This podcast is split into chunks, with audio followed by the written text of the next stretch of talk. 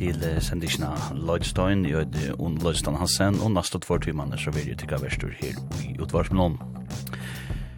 Det var atlanen at um, hatyr halda enska elektroniska popbalkin uh, Depeche Mode i sendisjone, saman vi uh, fra Laksager som skulle være samverstur, men uh, tyverre så uh, la det ikke fyrir at det barste fra Laksager undan at vi er vi i kvöld, men uh, jeg lov til at vi tfer at røyna at uh, hevet i her og hatyr halda fyrir Depeche Mode nu tar hava givet sånna 15. platta ut. Eh shoda stör det upp där nästa vecka eller när det är Så till måna låta det kan linda vi att till er som sitter och som alla sender ikke Men det er mest ikke sender ikke for vi er avhåvert, vi er vande till er alt og Jeg færre bare vi nikon spennende nukjen tøvnløyke for fyrtikon, okron eh, eldre sangen nøysene, eh, men eh, det aller meste at vi spilte noe tilfær. Jeg færre spela noe tilfær vi et nu eh, en er dame som kallar seg for Sonny War, hun er donald amerikansk sangare og sangskrivare. Jeg færre spela noe fra Tame Impala, til Peshmol kommer på parstøysene, sendisene.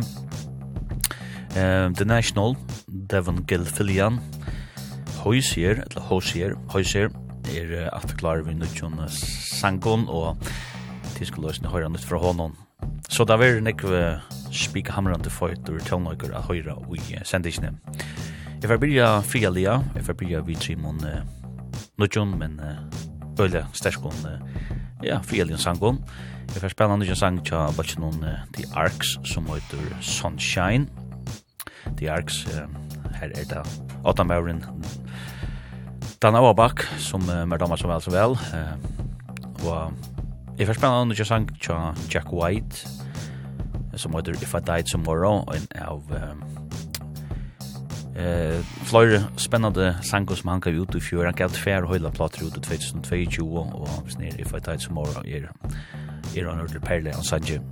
Jeg får da begynne vi å nødja Sanji tja amerikanska Beck, den er røsten en frihetlig ballata, Becker fer natt til, ja, uh, frihetlig tøvnlag, må man sija, um, han er en som eksperimenterer nek og flitsen nek tøvnlistalia, men uh, nu er han atter ordentlig, uh, ordentlig nere i grunden, kan man sija, atter, vi tjallar noen, ikke tjallar noen som så, men han er fer nere til grunden, og i sånn er tøvnlistalia boning, og han spiller en øyla hodakna sang som heter Thinking About You, og til nekka som vi nok gjerra nek vel, her kommer Beck. Mm.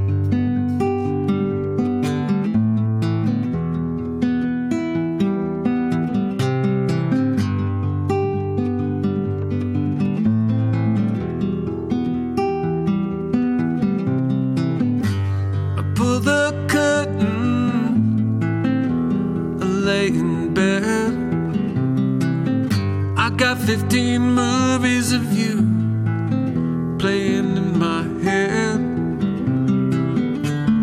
Chasing the moonlight watching the ocean turn blue just thinking about you.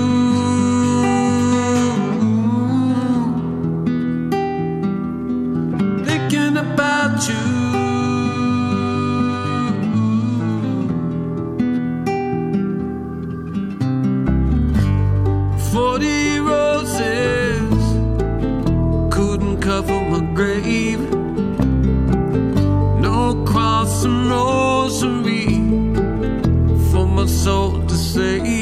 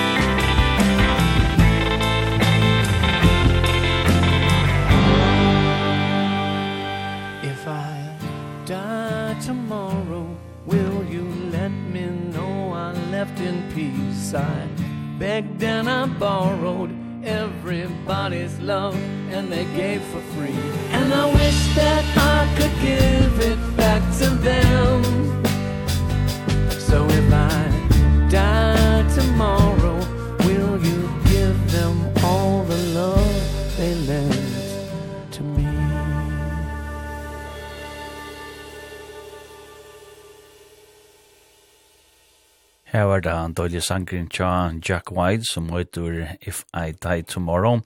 Og til er en sanger som jeg finner, hans sier 2022 platen som heter Entering Heaven Alive.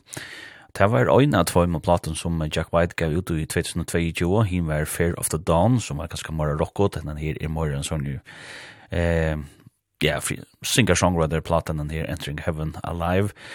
Og at her året 2022 var et særlig år, Jack White ble gifter, og hva var det, så det er et færplate kom ut. Han eh, har ikke, eller har ikke lia løtt søgne under korona, og ja, det fikk vi så at eh, høyra i fjør, da tverrplater kom ut.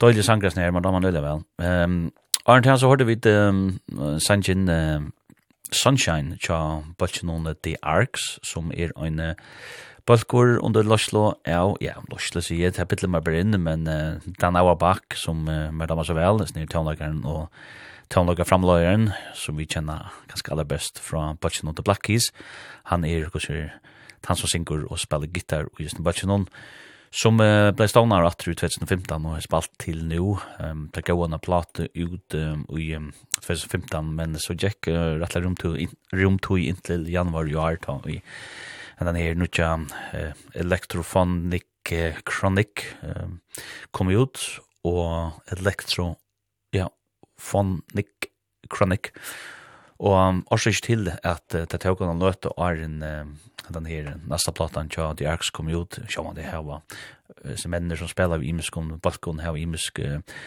projekter i gang, ja, det har jeg ikke nekka tog, men men um, det hände kvar som mål minne til at uh, en av Lemon Butchnon han ja han andaist han heter Richard Swift han var gitaristor, og uh, han døde simpelthen i 2008 nå til, ja, til så kan sparka på bøyen undan og en kvarjon og en tøvnlig og balsje. Men uh, det er akkurat så nå her, og dette var så sanger Sunshine av sin nye platen til Tøymon. Og den første sangeren hørte til, han spilte noen sanger til uh, amerikanska Beck, han heter Beck Hansen, Det är här Donald Lee, Tönne Samaren som kom fram i halvfemsen om besannsjen Loser, men så igjen da har vært givet spennende og fjelltatt er plater ut, og jeg synes sangen her er en sanger som, ja, jeg tror ikke så ikke om han vil finne under plato, men uh, det er han aller helst, men Det er så første singla som han gjør ut siden 2019, da har han uh, gav en plato som heter Hyperspace ut, og det er frilige uttrykket til Per Mora bra av en der plass som han gav ut i 2014 som heter Morning Face. Um, han er, ja, han, etter øyne som omgående stender steg, han er med Beck Hansen, alltid i Røslo, og til damer meg vel vi noen, og er spennende, det er spennende høyre hva han annars vil borre, ja, vi. Beck David Hansen, øyder han, uh, og spiller under navn om Beck. Og, ja, fria liberian må man säga, men uh, døylig byrjan halte jeg Jeg får nå spille um, Trudja Sanchez her. Jeg får spille en sang vi en enskom balkje som heter The Heavy Heavy. Etter her er en framurskerande balker ur Brighton i Ånglande. Eh, Nutjo balker, han hever Oina Stevie en EP ut enn, men uh, de har langko finnes ikke fjorden fyrir seg i USA, The Heavy Heavy. Og den EP som tekker ut av nøyder uh, Life and Life Only. Og her er uh, med landa, sånn er sangen her og som uh, eh för nekva airplay som man ser i USA och kus ju ah sån indie utvarsasen så som är då sätter han har go down river men här i rösten är det seriöst där San Gera som i stela kan vimmala tonlagrasen är ja det är sån tonlager som det retro tonlager han ser det själv det är tonlager som det till eller sort uttryck som det gärna själva vill höra ehm ja, det inspirerer av Fleetwood Mac, Rolling Stones, um, The Hollies og Sarnaka, og sånn som blues, folk, eh, då som Delaney and Bunny, jeg, skal ikke jeg kjenner så vel Delaney Bunny, men falskene her og i balsen, og til nevna, han det her balsen som en, og som er utgivet om utlåster. Og det som er, og liksom mindre balsen er Will Turner, og en som er Georgie Fuller, en dama, og ja, eh, til sånn, jag kan kalla mig sån reverb och en psykedeliska och så blues sån sunshine pop.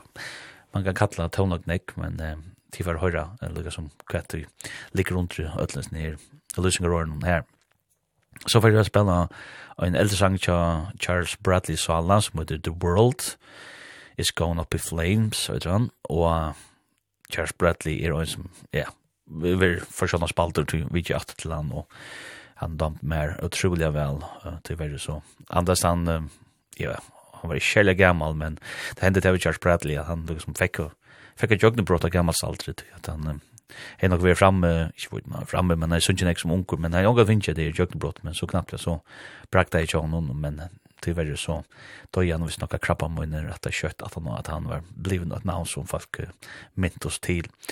Men det första där vi vi en amerikanska sångare och amerikanska sangarinda och sångskrivare som heter Sonny War hon är otroligt Donnelly och sen sangen här som hon får spela eh uh, platten just as mother Anarchist Anarchist Gospel.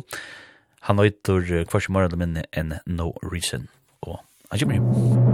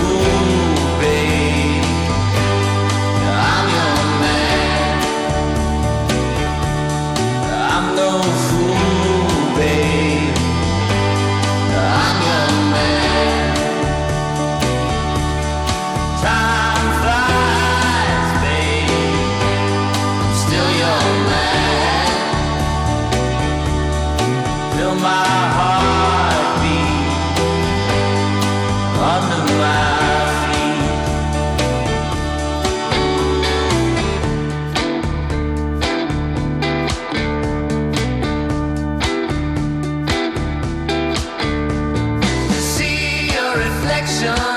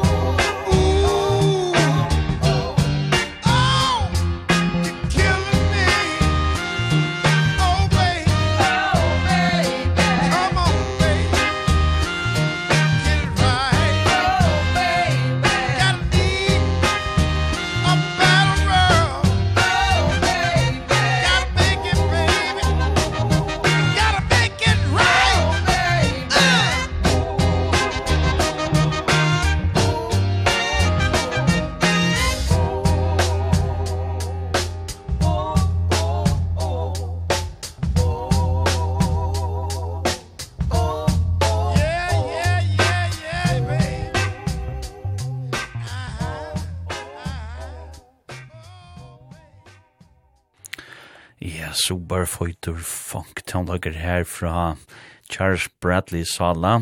Charles Bradley som uh, ja, kom fram uh, av gammalsaltre, som man sier, debuterer av gammalsaltre, og um, uh, ja, det var i januar 2011 etter denne platan her som heter No Time for Dreaming kom ut, og hans nær sangren var første kjering av uh, platene, hans nær sangren som kallas for The World, is going up in flames, og er det her er soul funk toner som det har då, men det var en plattform som heter Deptone Records i New York som uh, ja, fann uh, Charles Bradley og dyrka han til uh, nekka fantastiska, størst uh, og spennande, til uh, han var en donald sanger som hei så nek for som unger sånn, men unger det finnes den her møvla kan det lette jøknobrott som man snakkar om, men uh, Daptone uh, Records uh, i New York gjør det til uh, så det var mest at uh, finne sånne, sånne talenter, sånne som avpolera uh, eller avslupa er Steiner som uh, bare lie og boje etter å finne møvla og, og det uh, tog det fantastiska väl. Och att det här platefilla här just studio och rattliga sort. Ja, Rott studio i New York. Här måste en platefilla helt till. Och här bär med landa större parter av platene av Amy Winehouse som heter Back in Back to Black um, och tisjen upp uh, inne i, i studion. Och säljan som hade det ett husorkester som spelar otroliga väl och med land hade bulk så som det det Buddhas band som är ställa vid Vimla för lust det Buddhas band. Visst det kan då mer heter släga tonlogen och Har vi det gjort det lägg till 2011 vi Charles Bradley så har vi det spelat nu chantel vi enska butch non the heavy heavy go down river at the Sangrin Charles near Brighton butch non og han er finna av en platt plato et eller annet epi tja Taimon, som er tilby EP igjen, som heter Life and Life Only, og henne her epi en her av veien fyrir og en sånn halvun tjøknebrot i USA, um, særlig enn fri indi utvarsp, her var den ekspalt, jeg sier her, Fölkjene ur Brighton, og ja, jeg færre lurt etter, men jeg vant til at vi kommer å høre nek til, til Heavy Heavy og i framtiden. Og den første sangen her, det var sangen No Reason til amerikansk og Sonny War, sang som jeg finner av henne her plato som heter um, Anarchist Gospel, et mer kjent navn av plato, må man sige, og det er en spennende damen den her. Vi, ja, det var tre paralleller til Robert Johnson den her, blues, is a blues legendena fra Crossroads, som er som skulle ha gjort, og satt man da vi, uh, i en gravbøynt da for at lære å spille gitar, det er ikke søvann om, det er spennende søvann. Han var en sånn klubb i Sheiju, som uh, døg under Sheiju var gammel, men uh, gjør det et verrande, eller hirrande, det var verrande inntrykk av Tøvnaga Høymen og og en tantegen og idé, Robert Johnson. Men dette var så sånn i år, ja. Nå færer vi til um, uh, Trudja Sanger, vi spela en sang enn utplaten til Depeche Mode, platan utur Memento Mori, og og han er uh, første utgaven etter at um, tar mist og stånand limen i bøtjen og han er Andy Fletcher i fjør, fjør en år siden, og sanger som er for spille er jo så platen etter uh, Viking Tang, Viking Tang. Og jeg får spille en sang til en dame som heter Alice Glass, og han er nødt for mer, det er spennende um, popper, eller sånn, jeg vet ikke hva man skal kalla det, det er nok så aggressiv, progressiv popper, forgiveness, at sanger henne, han er ikke spilt noe, men jeg har sjåret det her, er noe spennende uttrykk at denne her, er denne her Ellis Glass, så det kan gjøre det sin drøm, ja, moderne, progressiv popper. Men det er første sanger her, det har han spilt noe sanger til australsko Tame Impala, og at det er Tame Impala stender med oss, som heter Kevin Parker, og han har haft ura gjøre, Sønna Støyna, tog at, ja, omframt han givet nekvar nukja sanger ut som atler er parter av soundtracks til uh, filmar, så er han nesten mekna at uh, protesar protesar mjøtna uh, til han er runde jeg vet, halvmarathon som da heter, eller han ikke bråte, han går sier braka, det er fractured, ja, hva sier man det? Det går sier her, i middelen, at braka og bråta uh, mjøtna uh, Så jag alltid han skulle hilsa till att att Josh Town looked at that around the true väl vis ner Kevin Parker ur Tame Impala. Og is near uh, Wings of Time sangren uh, som de får höra nu. Han uh, er vi av uh, nutja filmen om uh, Dungeons and Dragons, som heter Honor Among Thieves. Og um, han er bare øyne av fløyre sanger som han er vår uh, give til, uh, eller skriva til uh, filmer. Han var også vi i sanns noen, eller vi filmen, jeg vet da, var vi i soundtrack noen til Minions-filmen, Rise of the Gru, og det var sangren Turn Up the Sunshine, og her fikk han hjelp fra ungdøren enn en Tiana Ross, men også hodekande sanger, og han røstene remixa Edge of Reality til uh, filmen om Elvis tja Bas Lurman. Men uh, njødvis er løtt nere, vi er nere døyla sannsjonen tja Tema Pala, som heter Wings of Time.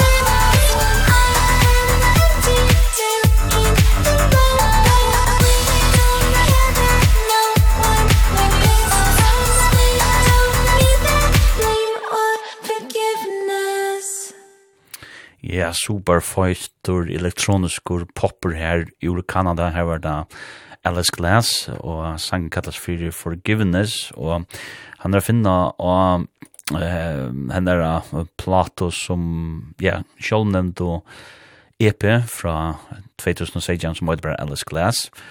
Og hon er uh, en dama som um, ja, ikke hvor som helst. Jeg kjenner gjerne gossi fra fyrre av, så jeg jeg kjenner en bak som øyder Crystal Castles, her hun var vi en øyla avhverdur bakker tøvnlistalli i ødlen føren, karvittler, skuitsvekker, tøvnløkker, men uh, hodekkande, tyverre så bor det også en skuitsvøk ting under balsen og tog at denne her Alice Glass, hun ble ytla vifferen av hin og liven i balsen som jeg kallar det fyrir en det var en mannfolk um, som heter Ethan K, uh, Katt, Ethan Katt, og det blei jo en rattarsak og alt møvlet, det var sort, hva kallar man det, sort herligt, um, herlig forra som de, jeg var ui, eller han, og ja, det var sikkert lagnarsmist her, annars øyla spennande, progressive, balkrin uh, Crystal Castles ur um, Kanada fikk, men uh, Alice Glass, hon er jo så korsvujer sjolv, og Sen er sangen er en gussi lovandi og jeg fyrir lusta meir etter hva hon hever givet ut til at hon hefur givet en platt ut i 2022 og den platan kallas visst nok fyrir Prey. Og ja, Prey øtron og til ut i Iva stod i at det er en vise ganske at til det er kjelja forhold som hun heier til. Han er Ethan Catt og Crystal Castles. Men En av damen er etter den fyrtjøtter av gommel og kommer ur Toronto i Ontario. Elektropunk, og det er den stånagrunnen, eller det var god stil. Det var lyst sålas der. Og Arne Thea så hørte vi det Wagging Thang, tja Depeche Mode, en uh, sanger av Nutsjeplaten, tja Depeche Mode, Memento Mori, som kom ut i herfire. Og og som er nekve røst, og det er vel kjellit. Jeg har lust etter en florfinnar, tog det var atlan at uh, fra Løksager og jeg skulle fagna til Peshmod uh, og i sendisene, men uh, det bast uh, fra og fra. Så det har vært en erfyr vi fyrir gjerra til, uh, det hender jo også til sykelig at uh, og en av stånaren er av Depeche Mode, Andy Fletcher, han døg i fjør, men uh, til betur kan man si, så fyrir Depeche Mode uh, omgang hatt i grøvna vi Andy Fletcher, tar spela vi er jo er og konsert for nu eller gå se er og vi er konsert for hvis det ikke er konsert for der skulle spela i Danmark og Sverige er det stand i sommar og um, det er fantastiskt og, og den ikke platan er spika hamrande fight som man sier med Mente mor jo Edron. Da fyrst sangen, det var sangen Wings of Time, tja Tame Impala, til er tåra, ja, tåra uskøyde, tåra, ja, uskøyde til uh, soundtrack til den Dungeon and Dragons filmen som uh, er kommet ut, og ja, Kevin Parker, han er øyelig virkjen, og tala mest som han tekst vi til er fantastisk og godt uh, Kevin Parker og er større fjeppar. Jeg fyrir så til uh, Trudja Sanger vi uh, en mann som, eller ikke Trudja Sanger, en mann jeg fyrir til Trudja Sanger, og en av dem er vi en mann som heter Devon Gilfillian, til er altså et nytt uh, forelstiske tja mer, tonelista litt forelstiske, så hvis man kan si det så der en øyla Lear amerikanare som eh, viskar oss til å få mor og mor vind i seglene. Og sånne sangen er ikke spilden noe kjør, hadde han kommet ut i 2000 og 2021, han hadde Get Out and Get It. Og så var jeg spela en nutja sang tja en balsk som heter The Heavy, ja han hadde vi The Heavy Heavy, men uh, snir The Heavy, han røys nir i England, på i balkan er her enskjer, Eh sen direkt att hålla styr på query the heavy heavy query the heavy. Men det mera rock out stone cold killer och det sangren och det är en dåliga ja det är dålig eh dålig rocker faktiskt. Men det första det är nog genre cha om kaska indie rock bulch on the national och dålig sangren heter Tropic Morning News.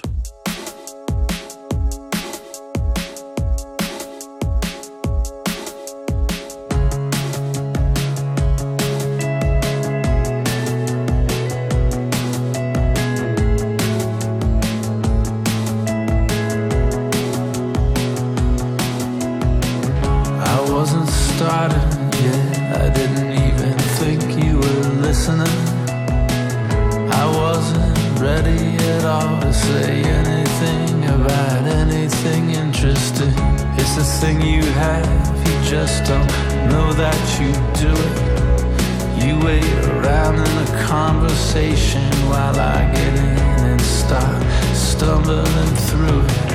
I was so distracted then I didn't have it straight in my head. I didn't have my face on yet Or the role or the feel Of where I was going with it all. I was suffering more than I let on. The tropic morning news was on. There's nothing stopping me now From saying all the painful parts I've lied Got to my feet feeling that I'd let you down. Wanted to say it slow and perfect But it all somehow got switched around. Something went off on its own My dumb automatic chit-chat It's not what I meant to say at all. There's no way you can attach me to that. Got up to seize the day with my head in my feeling strange when all my thinking got mangled and I caught myself talking myself off the ceiling I was suffering more than I let on. The tropic morning news was on. There's nothing stopping me now from saying all the painful parts I'd lie. Oh where are all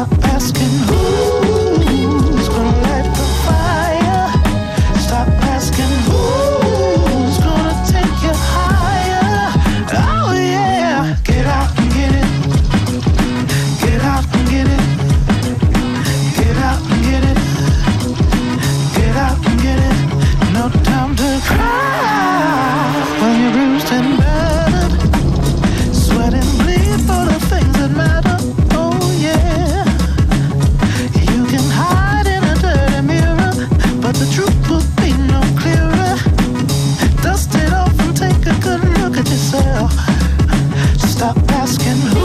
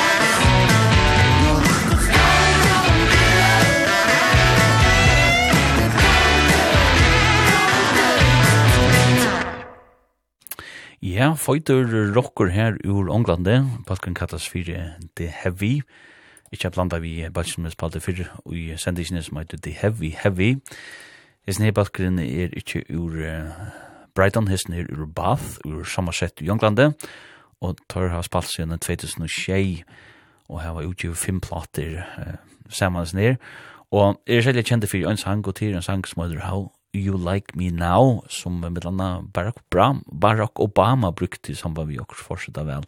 Alt det var i 2012 eller 11 han tar igjen hans stille opphattur så ja, han føyde balkur og sånne sangen her um, Dombar sa det vel um, han er finne av Tara Nudgeplats møter Amen. Altså sangen her som um, eh, kallas fire Stone Cold Killer. Og Arne var det Stone Cold Killer, så hadde vi en uh, Sarah Donnelly, en uh, amerikamann ur uh, Nashville, som heter Devon Gilfillian. Devon Gilfillian. Han er altså nytt tonlistet til forelst Tja Mer, spiller soul, gospel, blues, tonløyk. Um, er opprunnalig fra Morstown i Pennsylvania, men bor nu i Nashville i Tennessee og jeg har spalt uh, gitar og så har han var 14 år gammal og ja, en uh, super spennende halt i tunnelse med år, og hever um, Givi trudjar plater ut, Black Hole Rainbow kom ut i 20, um, What's Going On kom òsni ut i 20, som er det største år for denne her gefilien, tver plater på 8 år, og så uh, denne her nødgjasta som heter Love You Anyway, men uh, sangen her er en uh, eldre sangren her uh, eh give han hade get out and get it. Ta man være et eller annet, i forhold till deres forhold. Og den første sangen som vi spalte her, det var uh, en sanger tja her Donald i amerikanske bøtjen som heter The National, og tøyre er og aktuelle vi nødvendig platt som heter First Two Pages of Frankenstein, som uh, er av trappene, og altså en sanger som tar spalte her heter uh, Tropic Morning News, døylig sangur. Tja, hans ni balsen her, som at her, her platan her, First Two Pages of Frankenstein, er nudjenda studioplatan tja, The National, som er en balkur som kommer ur Cincinnati i Ohio i USA. Det er indie-rocker, alternative rocker, post-punk uh, revival. Du kan kalla det hva du vilt, men det er bare god tannlager, fyrst og sust, hvis du spyrst med.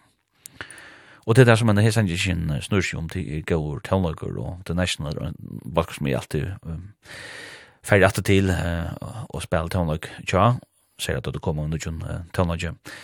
Og ja, det er jo en løte til meg at uh, ordentlig at det tekka The National tilmånd til at uh, jeg var ikke på henne snakker større fjeppar inntil jeg sa en uh, dokumentarfilm tja Balchinon som heter Mistaken for Strangers og det var altså eh det var bare en øyelig god lysing av Balchinon som han øyelig sympatiske balkur vi Nick Donald i Falcon og i mitt landa Aaron Dessner uh, som uh, er en mæver som uh, Øysne, jeg kjente som tøvnlaga framlager, han framlager det meste tja til dem, så jeg sier, store kjøttene som heter Taylor Swift, og han spiller Øysne samanvis nere, er snær en dessna spelare som samma vi Bon Iver Justin Vernon som han er veldig kan nöjda som Bon Iver og tar hava en balk som heter Big Red Machine som måste era sort framlöjer tøyme og tar Gjerne godt saman, men den snir. ja.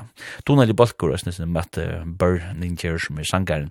Og så dokumentaren var som ikke vel skruvar saman, til han snur seg faktisk om Bodjan, som Matt Burr Ninja, som var lysen der han tapara, eller det han en gusir lustet til å være, nu at vi backar Jan han blev ju känd för sin sang Loser. Is nere vill det gärna vara filmslags slags Jory och han var just nu kom in och också universitet här och läs film. Men det Jack för mer eller mindre så han var blackar ut och det Jack gånga vet jag honom så att han ända i hemma för föräldrarna och de och chattar ner och han var väl uppe i trädet och ta och det hältes ner Matt Berninger var sin där ja. Det var ju ordliga eh vad kallar man sånt det var ju ordliga ikke rymlet, det var ikke kjørt det virer litt, og han tog gjør han så at han ber han her Bajasun komme vi og vera bæja sånn road i, altså hjelpa vi til vi at få konserten der tja, The National gjør det klarar, og man så kan også takka sin dropp og vera sin drøm, sånn ja, gjør det tilfell til hva vet du, til impiska sosiale milar sånn ekka, filma sin bultjen sånn ekka, men is nere uh, bodgen han uh, Magnus Østna uh, bliva uh, som wrote i det den kunde helst brukas till så uh, det var en rattlig rattlig underhållande dokumentär som jag ställer vill vimmel utland för att hitta till mistaken for strangers och dran om the national. Men här fick måste nog gått in lite i den bodgen och ich miss Matt Berninger som är en ja en dålig typ av en en höjlig mer från en slottast och en god typ nok om uh, The National, men til høyre kanskje at mer damer vennende enn.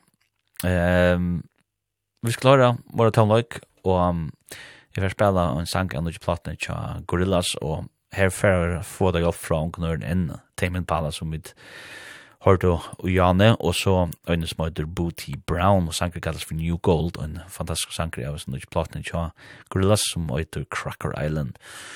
Og jeg får spille um, en sang til Uh, en uh, fyrir som oitur uh, Gitkin, det er nytt for mer, det er nok så foitur uh, laid back townlocker uh, som uh, er datt om at tilvilt uh, Ofta da vi fyrir jöknum lukka som det beste platna som kommer ut i en år, så fyrir i jöknum nekvar imiska lista bæg lukka som tormara kommersiellum, men nøysen tormara indie, det å si at det er sin mora underground eller ikke underground men sånn var indie um, og her datt om uh, sin her platna tja eller datt om den her gitken og platna tja og jeg først penna sang tja som heter Grand Street Feast og til er til er instrumentale tøvnløyger ljøfer tøvnløyger så. Så men det første sangen det var ikke sangen tja sånn her uh, hosjer eller hosjer som uh, kom brekan innan tøvnløyga paddelen vi sangen Take Me to Church han er klara av nøkken tilfærre It you're young.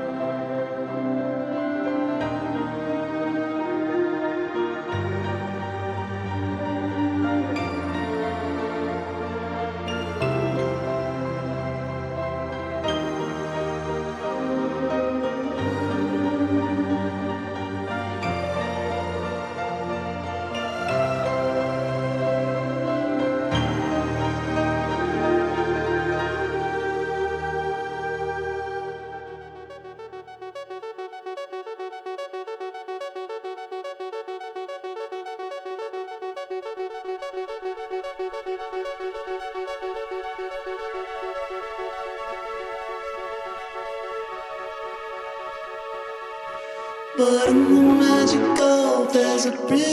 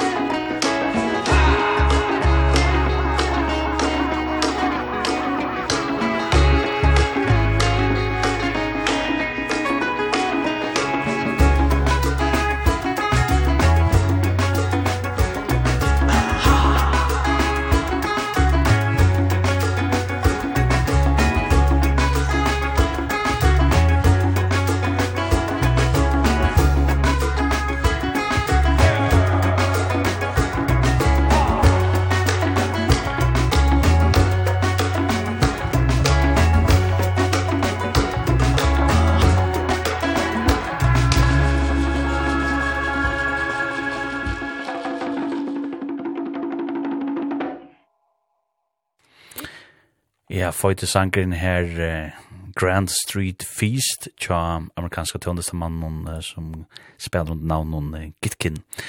Og um, sni Gitkin til er ein uh, maur som øyter Brian J. det er så det. Han er en multi-instrumentalister og tøndega framleger som kommer fra Brooklyn i New York. Og um, sangen er finna hans er nødja stå plato som heter Nowhere to Go But Everywhere. Og og um, det er fantastiske hodtekende tøvnløkker som han uh, som han borrar i videos nere Gitkin og vil stelja vimmala falt seg færa alorsta, at det her er sort uh, det er psykadelisk og tøvnløk til Hørmann men det er sånn kubanskar uh, røtter òsne uh, òsne, ja Peruvian eh peruvianske peruanske tonlager har man kallar det kallar man ikke twang og så nere alltid hvis man skal lusa den tonlagen men det er en sånn jag kallar man någon sån free soul, free spirit som eh, som jag resonerar vår förra snäck och han sier om disse platene att eh, han røyner ikke å huske for nekt, han er skapande, eller ta igjen skapar, så røyner han dette. Tankene er, eller huske så få tankar som er gjør litt, men han nevner så at han uh, følte lykke av at han satt og huske nekt om uh, Og han tog i løyven da han var i tjonen, till i tjonen, da han tomla seg rundt i landen i USA, meditera i og bare liksom levde løyve og det at ja, eh, oppleva spennende ting, eh, og du, ja, reende ting, men eh, at jeg ångsvekkene hever liksom filtrera et eller annet som sier vi inn i disse platene, nowhere to go but everywhere. Fart uh, ferdig til Gitkin, nytte opplevelse, nei, en nytt bekjentskap som er, kan jeg si, til nesten litt og Ederskjan. Arne, har du vidt sannsyn New Gold, jeg har ikke platt ikke Tame Impala, ikke Tame Impala, ikke Gorillas, jeg har vært hjelp av Tame Impala og en spennende Booty Brown, du ikke platt han Tja Gorillas og etter Cracker Island og er Cracker Go. Jeg vil bare, for bare, hvem alle fall ikke var dårlig henne.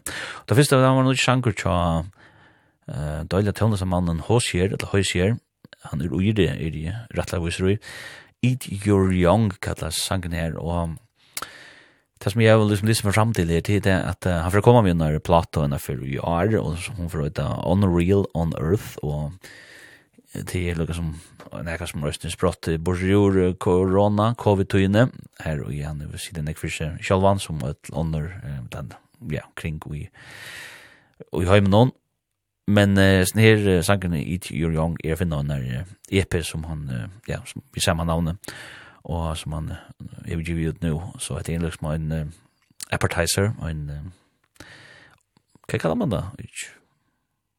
Avbit, undan, og et eller annet. Men, uh, men han var vel hos, uh, hos her, som er en stersk utdannet med år, så det er gledet at, uh, jeg hører at han er virkelig Jeg får spela nå tøndelig til han Trimon Damon. Jeg får spela en sang til en som heter Danielle Ponter, som sangen heter So Long. Og en som heter Rina Savayama, sterk tonlista kvinna by japansk under Røton, Røton, Røton, som er røtter i Japan. Ja, ja og klart. Um, jeg får spille en sang til henne som øytur iPhone i. Det er knall her moderne pop-tonlager progressiv popdelen, må man säga. Det første var vi en dame som heter Lizzie McAlpine. Jeg vet at um, akkurat min unge gesten i Leidstein, jeg har spalt tøvnlag vi, jeg halte det var Marianna uh, Winter Nagata som spalte en sang vi Lizzie McAlpine, hvis jeg ikke tenkte jeg for det. Men det er en dama som er øyla glau høyt i løtne, sang som jeg får spela til henne, og det er Ceilings. Musikk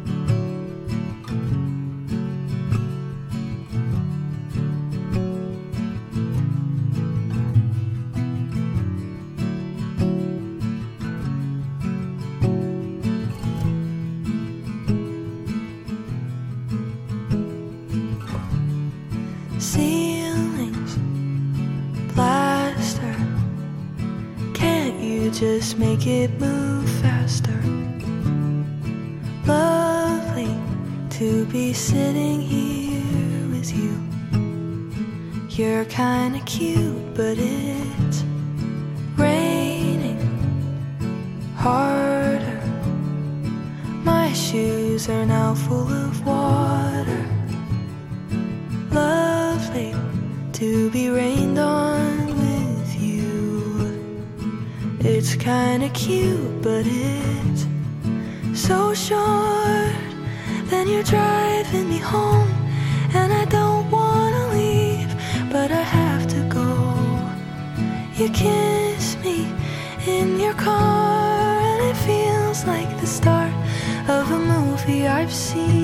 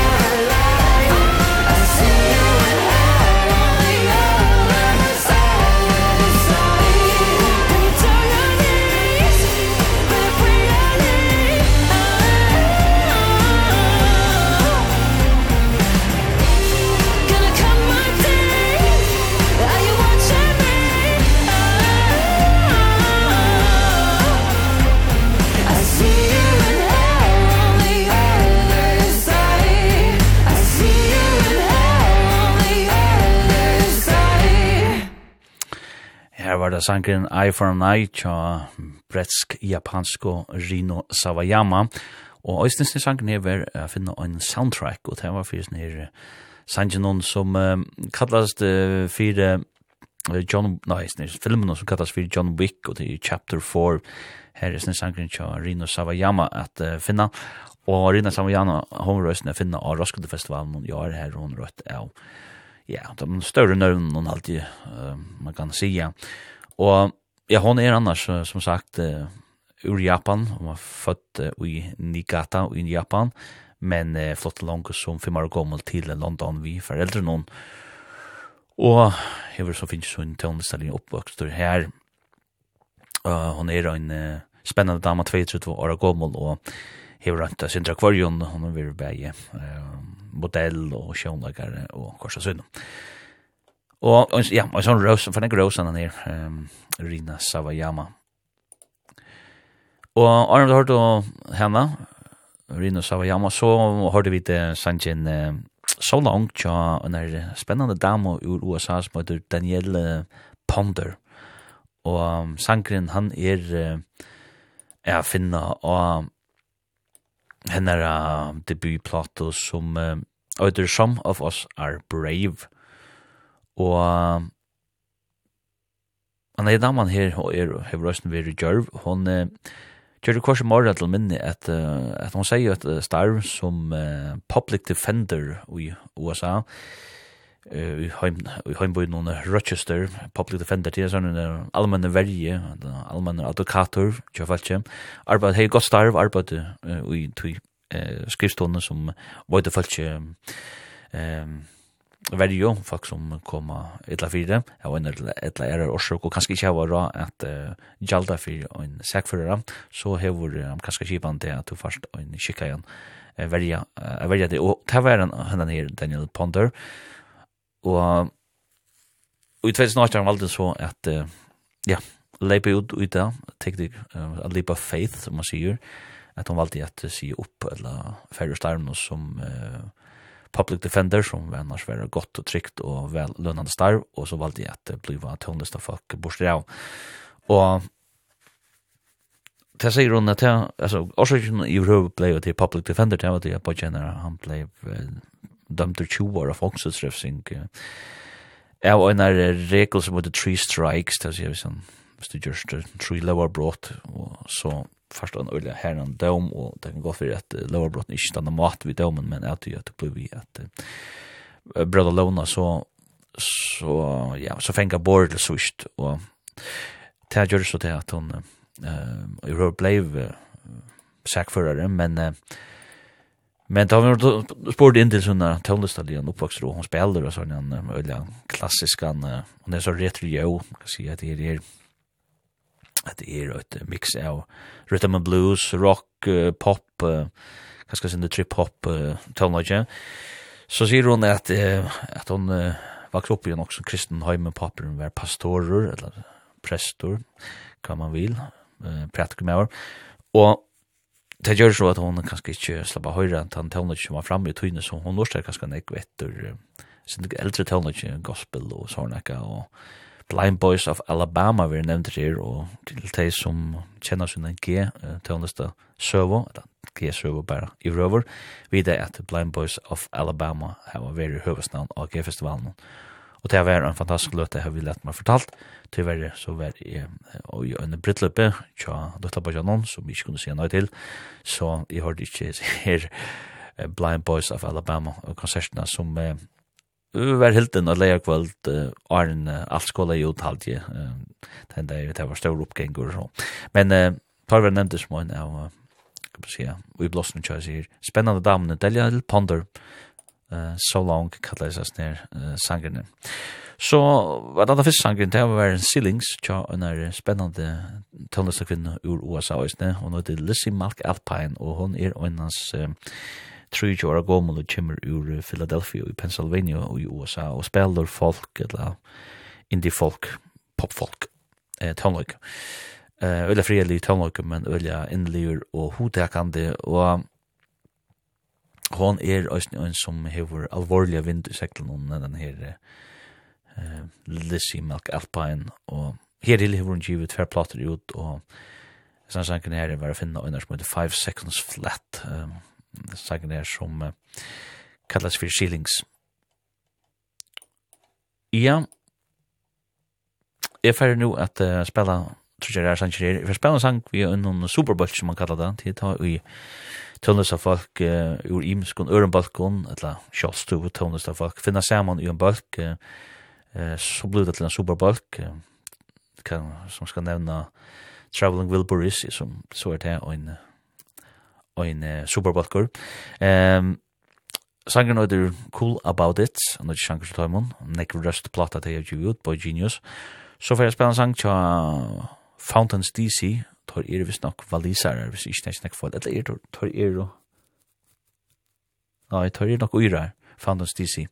Eh, Cello Song og der sangen til dem og det sjanker til Fountains DC. Det Første vi røstene og det sjanker til til onknøren er Noel Gallagher ur Oasis og han sier bare High Flying Birds.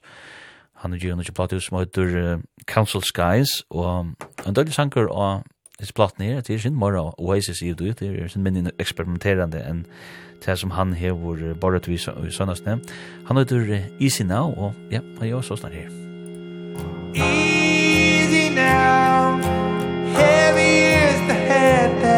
eyes a hollow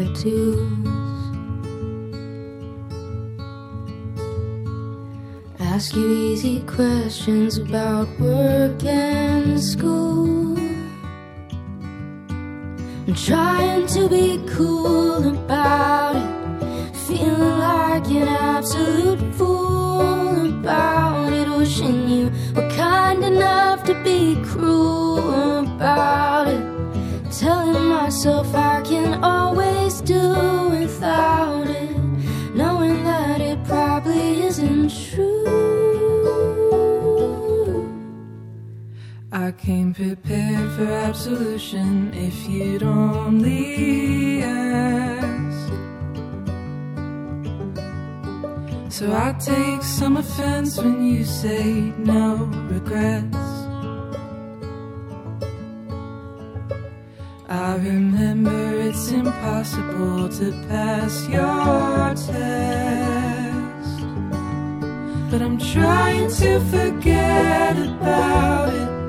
Feeling like I'm breaking a sweat about it Wishing you would kindly get out of my head about it. Telling myself one day I'll forget about it Knowing that it probably isn't true.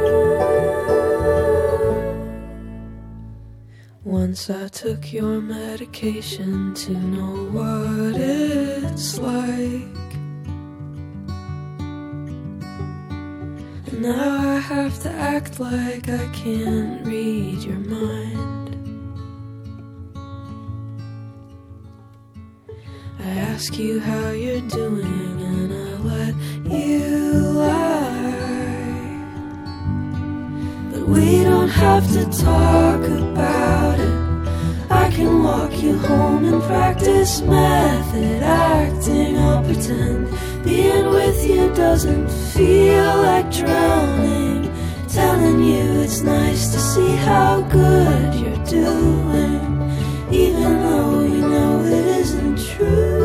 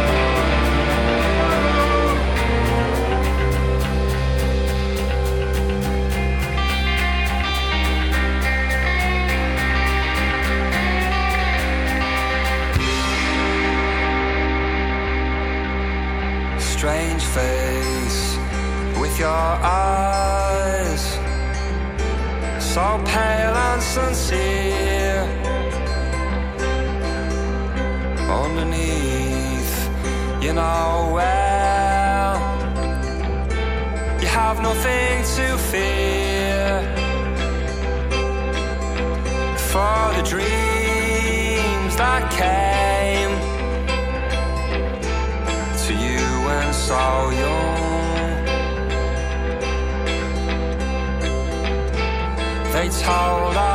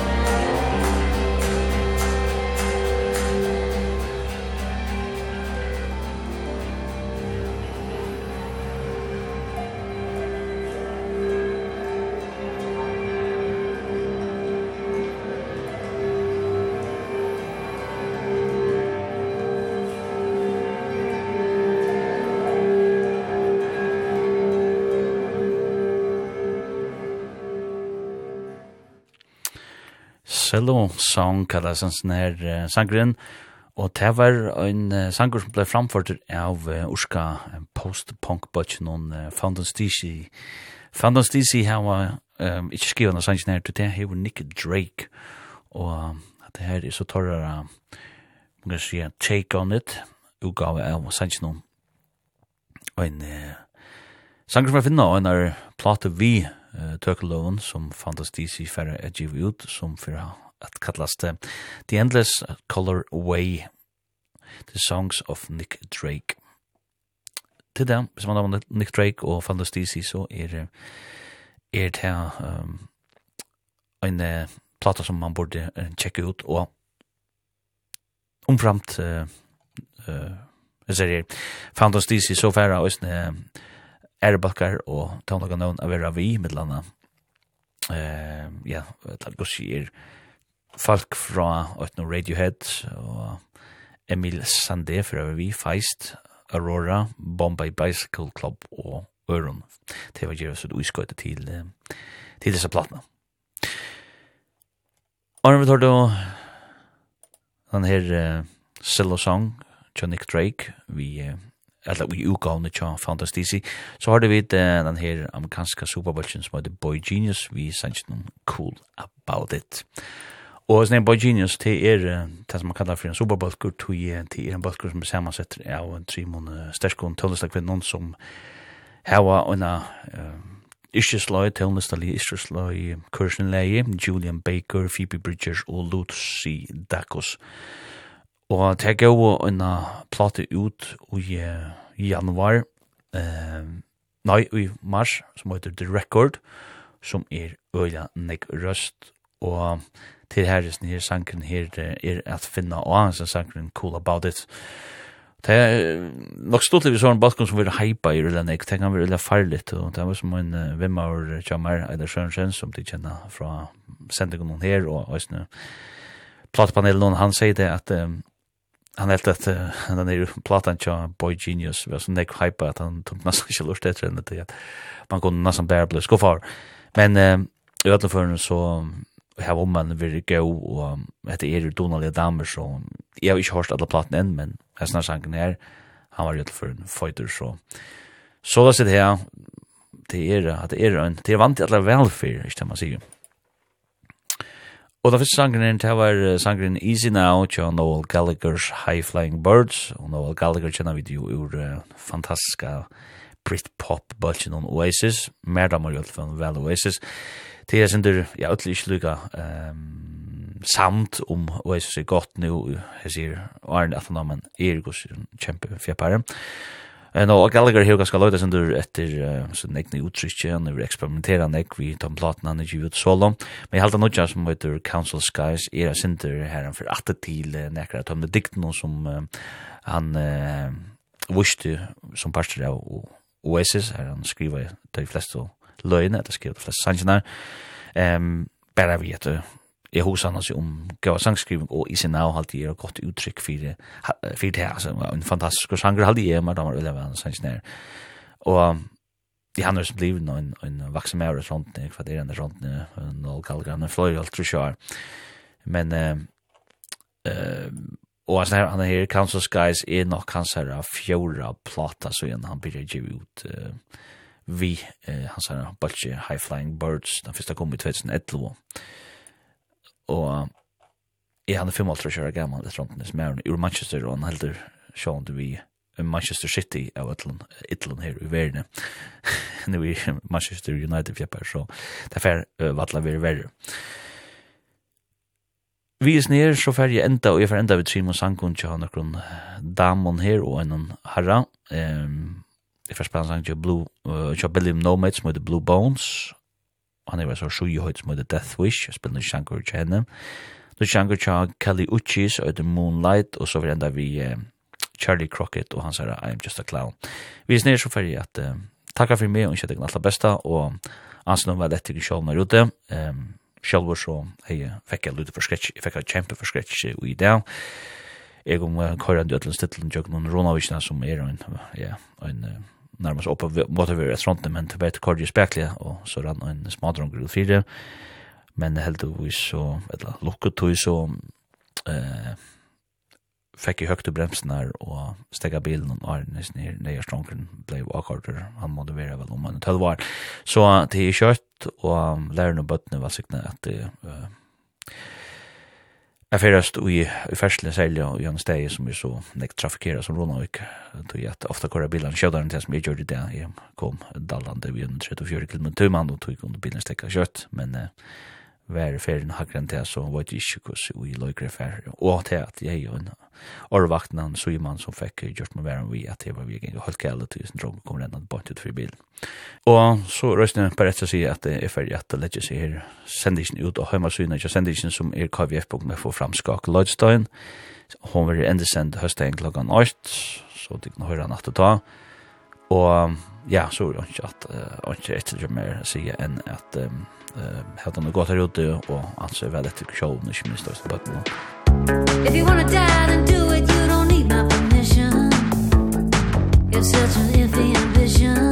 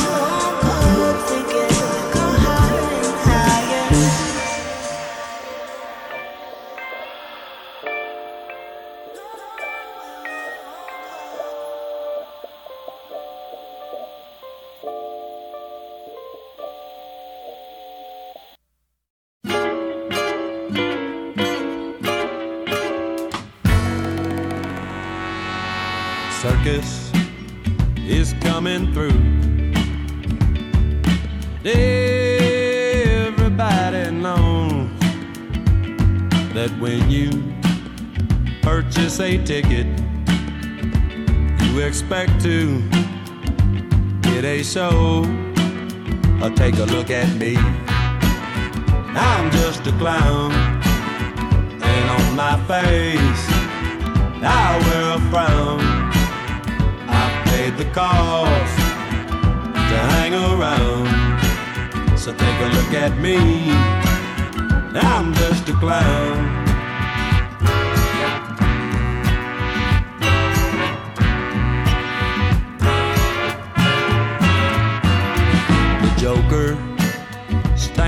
in the middle and turns a trick for you because sometimes. You know it's better to be thought of as a fool. Or take a look at me. I'm just a clown. And on my face I wear a frown. I've paid the cost to hang around. So take a look at me. I'm just a clown.